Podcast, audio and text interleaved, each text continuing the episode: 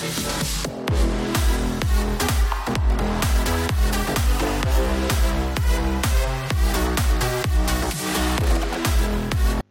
halo teman-teman semua, masih sama gue di sini di mana kalau bukan di Pomet Podcast. Mulai aja dulu. Hayu. Oke, jadi hari ini gue akan ngebahas salah satu request dari teman-teman gue yaitu tentang toxic relationship.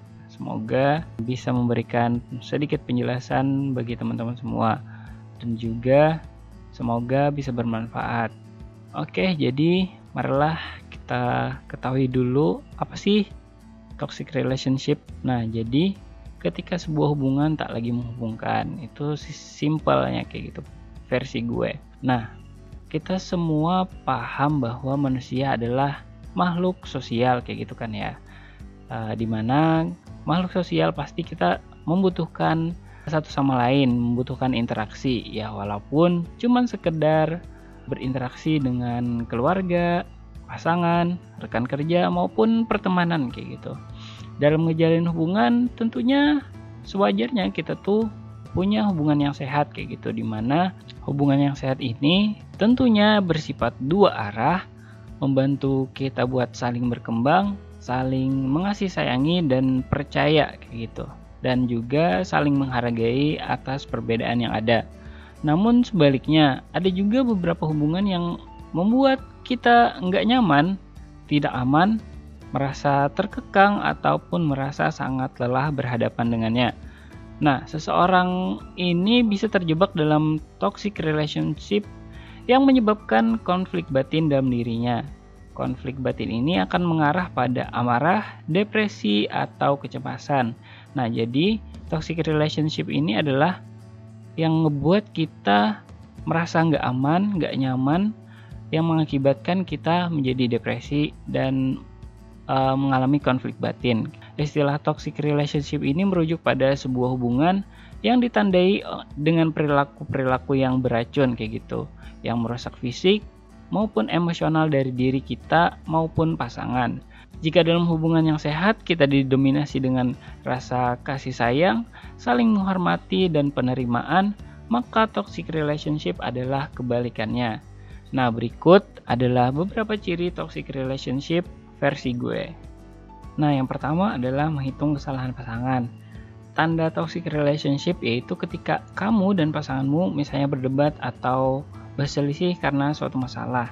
Yang mana kalian bukan menyelesaikan masalah itu, tapi kalian lebih mengungkit siapa yang punya kesalahan yang lebih besar. Artinya kalian gak mau sama-sama disalahkan kayak gitu. Pokoknya saling tunjuk-tunjukkan pokoknya kamu yang paling salah kamu yang paling ini ini ini ini mulai dari kesalahan itu hingga masalah-masalah lainnya di masa lalu yang mana mungkin kesalahan pasangan merupakan tindakan membenarkan apa yang dilakukan atas dirimu dan ini nggak menyelesaikan masalah kayak gitu. Contohnya seperti ini.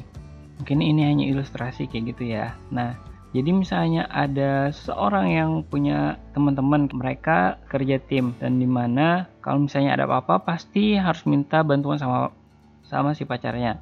Terus kalau misalnya ada masalah keuangan, si pacarnya langsung bilang aja kayak gitu. Kalau misalnya ada masalah keuangan langsung bilang aja ke aku dan dia ngeberi kayak gitu. Dan saat ada masalah, dia pasti ngungkit-ngungkit.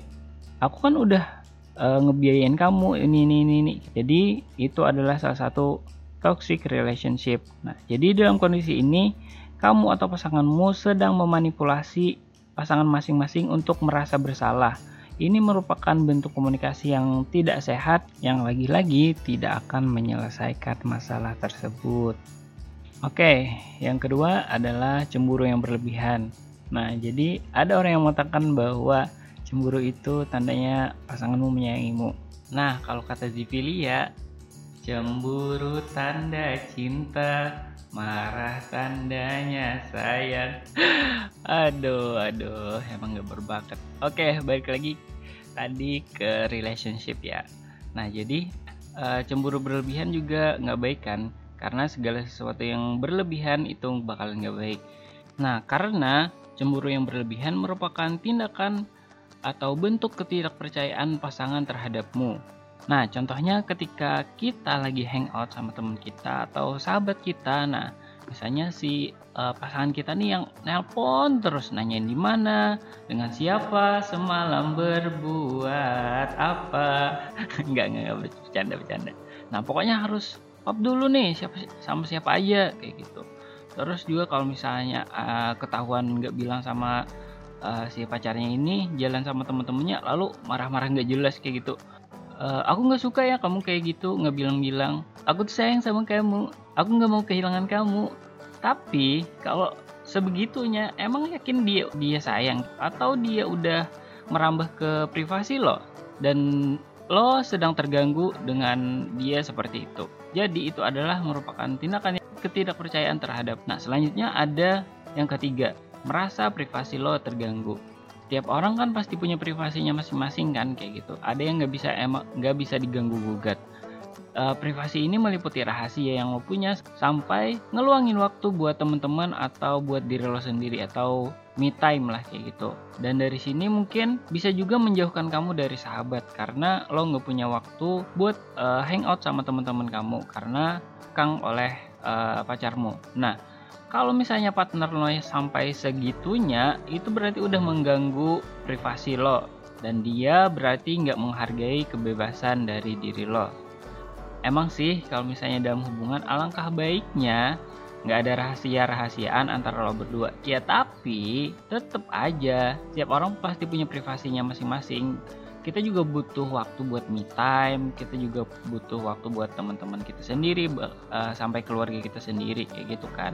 Dan juga kita pasti punya dunia yang berbeda kan. Maksudnya dalam pergaulan kita yang sebelumnya menjadi satu kan pasti punya pergaulannya masing-masing. Tentu kita juga harus uh, bisa menyeimbangkannya kayak gitu.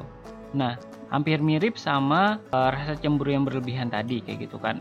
Kalau misalnya dia udah selalu mengontrol kamu pergi ke mana, terus juga sama siapa. Memang menunjukkan dia tuh peduli kayak gitu, tapi bisa juga dia tuh terlalu posesif karena mengengkang terlalu berlebihan kayak gitu. Intinya kalau misalnya hal itu membuatmu kurang nyaman, maka coba deh pikirkan ulang soal hubungan itu.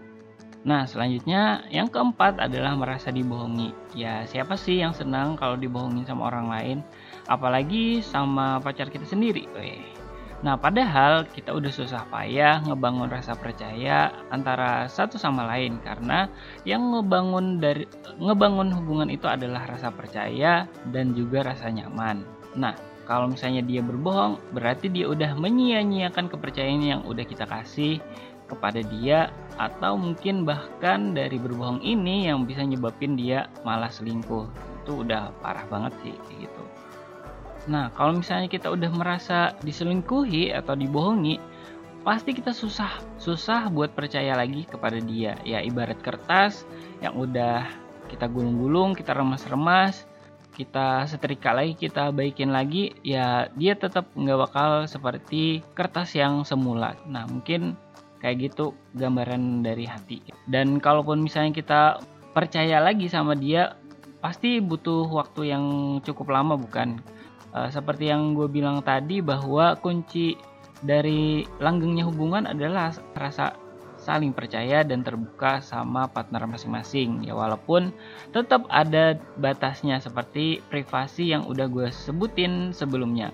Nah selanjutnya yang kelima adalah menyalahkan atas kehancuran moodnya sendiri Nah ini biasanya terjadi kalau misalnya biasanya sering terjadi pada cewek-cewek yang misalnya moodnya lagi hancur, nggak stabil atau lagi kena masalah apa kayak gitu. Nah tiba-tiba saat mood kita yang buruk, yang mana kita perlu perhatian ekstra dari pacar kita, eh tapi dianya nggak kak nggak nggak ngertiin kamu dan kita malah balik marah-marah sama pasangan kita yang nggak bisa ngertiin kita kayak gitu. Nah, padahal kan kita nggak tahu juga si pasangan kita tuh apakah dia lagi ada masalah atau lagi sibuk atau lagi ada project yang dia kerjain kita nggak tahu kan. Tapi gara-gara mood kita yang buruk kita malah menyalahkan pasangan kita kayak gitu. Dan kalau kamu mengalami situasi yang seperti ini maka berhati-hatilah. Bisa jadi kalau misalnya hal ini sering terjadi kita bakalan kehilangan orang yang kita sayang kayak gitu. Nah, selanjutnya ada yang keenam yaitu mengancam hubungan.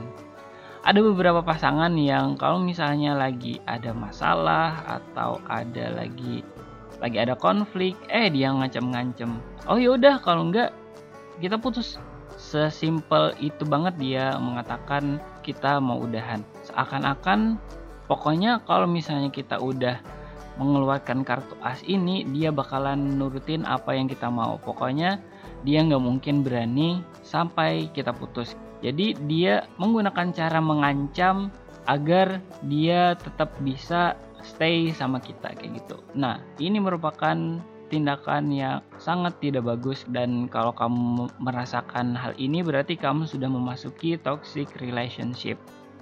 Oke, nah mungkin segitu dulu yang bisa gue bagiin sama teman-teman semua. Semoga bisa dapat dimengerti. Jadi, ambil sisi baiknya dan buang sisi buruknya. Itu tadi adalah versi dari gue. Terus gimana nih versi teman-teman semua?